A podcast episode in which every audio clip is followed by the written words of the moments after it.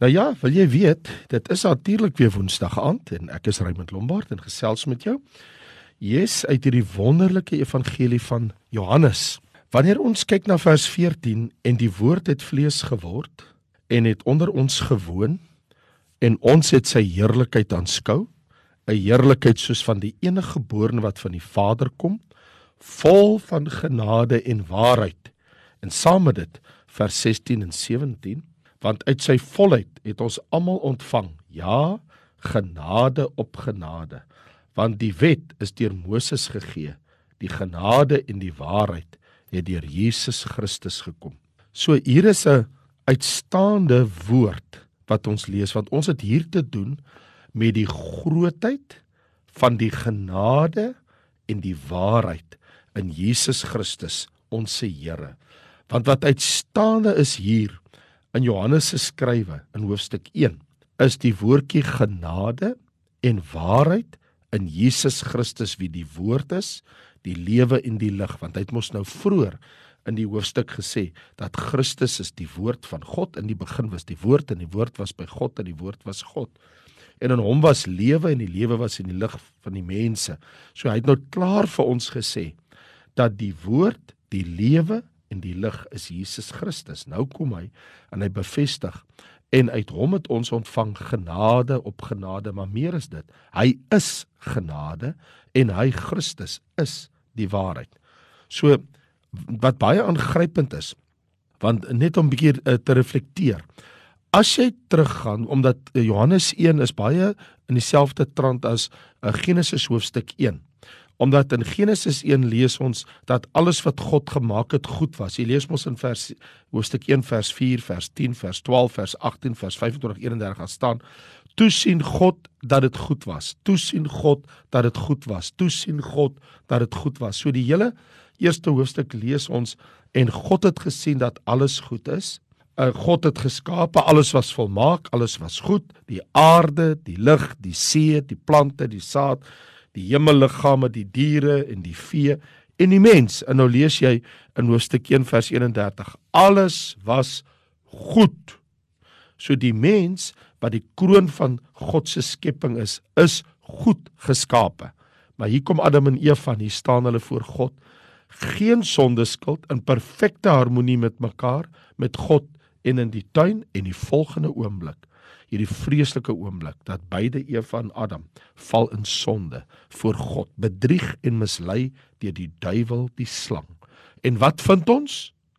God dank dat in die eerste 3 hoofstukke vir God se genade van Genesis, die moederbelofte, uit die saad van die vrou sal die Here eendag iemand stuur wat die kop van die slang verbrysel. Dis 'n stuk genade van God per slot van sake. Dat die Here ryk uit na die sondige mense Adam en Eva. Tot vandag toe reik God steeds uit na sondaars. Dit is 'n stuk genade. Einde ten laaste sien ons van Adam en Eva se tyd af 4000 jaar na die episode in die tuin van Eden stuur God sy eie seun sy enige gebore dis wat ons nou hier gelees het in Johannes 1 vers 14 en die woord het vlees geword en het onder ons gewoon en ons het sy heerlikheid aanskou 'n heerlikheid soos van die enig geborene wat van die Vader kom vol van genade en waarheid so God het uiteindelik die belofte vervul 4000 jaar later en het sy seun gestuur vol van genade en waarheid die enige geborene vol van genade en waarheid. So wat ons leer omtrent sonde in Genesis, leer ons omtrent genade in Johannes. So kom ons praat oor oorvloedige genade, want ons het mos nou gesien net in vers 16 staan hier en uit sy volheid het ons almal ontvang. Ja, genade op genade. So Johannes vertel ons van 'n fontein van genade wat oorvloedig oorvloei. Die een in wie, soos ons lees in Kolossense 2 vers 9, al die volheid van die godheid liggaamlik woon. Hy gee genade op genade. Dit is 'n feitelike stelling. Genade is God se liefde uitgestort vir sondaars. Christus loop oor van genade. Niemand is buite die bereik van God se genade nie. Die skrifte verklaar tog duidelik. Dit staan mos so in Romeine 5 vers 6 en vers 8. Want toe ons nog swak was, het Christus op die regte tyd vir die goddelose gesterwe. Vers 8. Maar God bewys sy liefde tot ons daarin dat Christus vir ons gesterf het toe ons nog sondaars was. So die twee tekste in Romeine 5 vers 6 en vers 8 sê vir ons op die regte tyd het Christus vir goddelose mense gesterf en vers 8 sê God se liefde lê daarin dat Christus vir ons gesterf het toe ons nog sondaars was.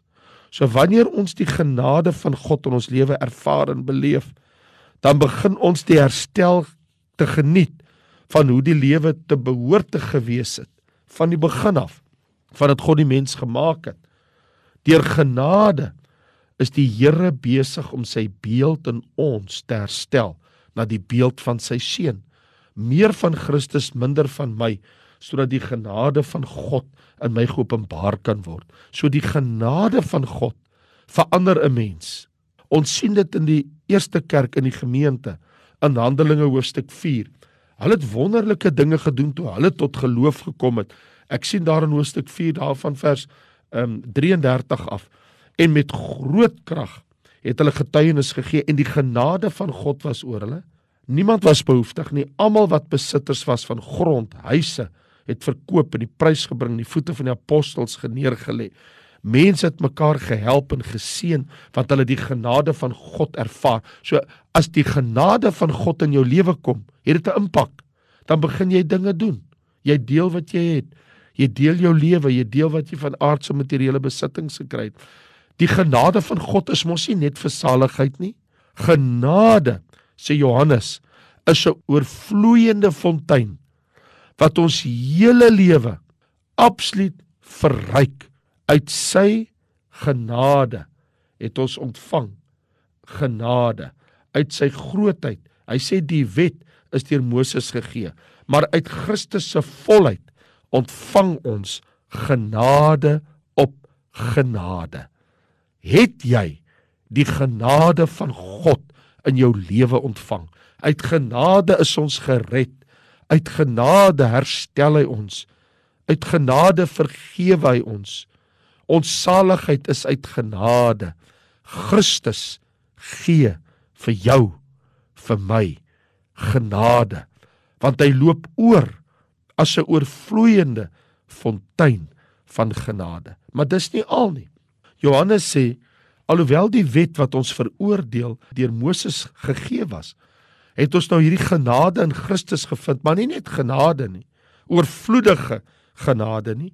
Hy sê maar ons het ook die waarheid ontvang. Terwyl ons mos nou weer aan vers 14 vol van genade en waarheid die enige geborene sê in vers 17 ons het ontvang deur hom nie net genade nie maar die waarheid het tot ons gekom deur Jesus Christus oor en oor verneem ons van die woord waarheid in hierdie 4de evangelie Johannes se evangelie die evangelie volgens Johannes en ons verneem dat Jesus 'n paar hoofstukke later is die beliggaaming van die waarheid Hy self is waarheid. Luister wat sê hy. Jesus sê ek is die weg en die waarheid en die lewe. So wanneer ons die waarheid wil sien, dan kyk ons na Jesus Christus. Hy kommunikeer, hy is kommunikeerder ook van waarheid. Soos ons sien in hoofstuk vers 31 en in vers 32. Hy sê vir hulle hierdie woorde: As julle in my woord bly, is julle waarlik my disippels en julle sal die waarheid ken en die waarheid sal julle vrymaak. En later sou hy vir Pilatus toe hy 'n uitdaging gerig het, toe sê hy vir Pilatus in Johannes 18 vers 37. Pilatus sê vir hom: "Is hy dan tog 'n koning?" Jesus antwoord: "U sê dat ek 'n koning is. Hiervoor is ek gebore en hiervoor het ek in die wêreld gekom om vir die waarheid te getuig. Elkeen wat uit die waarheid is, luister na my stem. Jesus is die een wat by die kruispaaie van die lewe vir ons die regte weg wys. Die ware pad want hy is die waarheid. En hy het ons nie alleen gelaat nie. Want hy sê vir sy disippels in sy fisiese afwesigheid gee hy vir sy disippels ook vir my en jou die gees van die waarheid. Johannes 15 vers 26. Maar as die trooster gekom het wat ek van die Vader vir julle stuur, is die gees van die waarheid sal hy van my getuig. En hy sê in hoofstuk 16 wanneer hy gekom het, die gees van die waarheid, sal hy julle in die hele waarheid lei. So dit is juis dan Christus se waarheid wat my en jou vrymaak. Daar is altyd 'n vrymakende kwaliteit in die waarheid. Jy weet 'n mens vrees een of ander siekte en jy het slaaplose nagte want jy het hierdie pyn in jou. En uh dit het ook met my skoonseun gebeur so pas en hy het hierdie verskriklike pyn en hy kan nie nag nie slaap en hy dink hier's groot fout hier binne in hom. En toe hy by die dokter kom dis die dokter vir hom nee daar het niks ernstig gebeur nie jy het net 'n klein niersteentjie. So die oomblik wanneer die dokter vir jou die waarheid sê en hy kan kyk en vir jou sê nee, ek het die probleem, dan het jy mos nou gemoedsrus. Jesus se waarheid kan soms tot groot aanstoot wees en nie net gemoedsrus nie. Sekere mense wou Jesus om die lewe bring toe hy vir hulle die waarheid vertel het. So ek wil sê jy gaan mos nou nie die dokter doodmaak omdat hy jou die waarheid vertel het nie. Maar toe Christus vir hulle die waarheid vertel het, toe wil hulle klip optel om stenig. Hy sê Julle wil my in my lewe bring. Iemand wat vir julle die waarheid vertel wat ek van God gehoor het. In Johannes 8 vers 40. Hy sê wat wil julle doen? Jesus se waarheid kan ook verwerp word. Dis nie net tot aanstoot vir sommige mense nie. Maar ek lees in vers 45, hy sê: "Maar omdat ek die waarheid spreek, glo julle my nie. Julle wil niks weet nie." Ek kom ek jou vir jou ding sê. Die twee hoofredes hoekom mense nie die waarheid wil glo nie. 1. Hulle glo nie want dit klink te goed om waar te wees. Hoe kan dit wees as ek my sonde teenoor Jesus bely dat al my sonde my vergewe word en ek kan saligheid ontvang as ek om 'n saligmaker aan die hemel toe gaan? Dis te goed om waar te wees. Want die Bybel sê in 1 Korintiërs hoofstuk 11, dis dwaasheid vir die Jode en die Grieke want want hulle soek iets anders. Maar hy sê dit is wat dit is. En die tweede punt is mense glo nie omrede hulle hulle hou vas aan hulle eie halwe waarheid. Hulle weier om dit te laat gaan. Jesus het 'n woord vir al hierdie mense in Johannes 8 vers 24. Ek het dan vir julle gesê dat julle in julle sondes sal sterwe. Want as julle nie glo dat dit ek is nie, sal julle in julle sonde sterwe. So in baie gevalle is 'n halwe waarheid die grootste vyand van die waarheid. Ons is nie tevrede met 'n halwe waarheid nie. Laat my dink aan 'n klein dogtertjie wat 'n verskriklike bekleierery met haar boetie het. En die ma storm die kamer en sy vra vir die dogtertjie: "Hoekom het jy toegelaat dat die duiwel dit in jou hart gee om jou broer se hare te trek en sy Marie Mary so te skop?" Die dogtertjie dink vir so 'n oomblik na. Sy sê: "Wel, ma, miskien het die duiwel dit in my hart gegee om my broer se hare te trek, maar om sy met die te skop, was my eie idee." Klink vir my of die dogtertjie se teologie meer korrek is as haar ma se. Ons blameer die duiwel vir seker goed waarvan ons skuldig is. Kan nie duiwel vir alles blameer nie. Het ons God se waarheid in Christus of worstel ons met ons eie idee? Jy sien die grootheid van God se genade en heerlike waarheid in Christus Jesus sê Johannes is die fondament van ons lewe. Kan ek dit vir jou weer lees? Hoor wat sê hy. Johannes 1 vers 14. En die woord het vlees geword en het onder ons gewoon. En ons het sy heerlikheid aanskou, 'n heerlikheid soos van die enige geborene wat van die Vader kom, vol van genade en waarheid. Vers 16. En uit sy volheid het ons almal ontvang. Ja, genade op genade. Vers 17. Want die wet is deur Moses gegee, die genade en die waarheid het deur Jesus Christus gekom.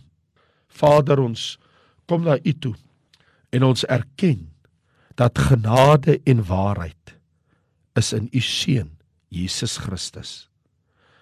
Here gee vir my die genade om te glo. Dis hoekom Johannes hierdie evangelie geskryf het dat Jesus die seun van God is.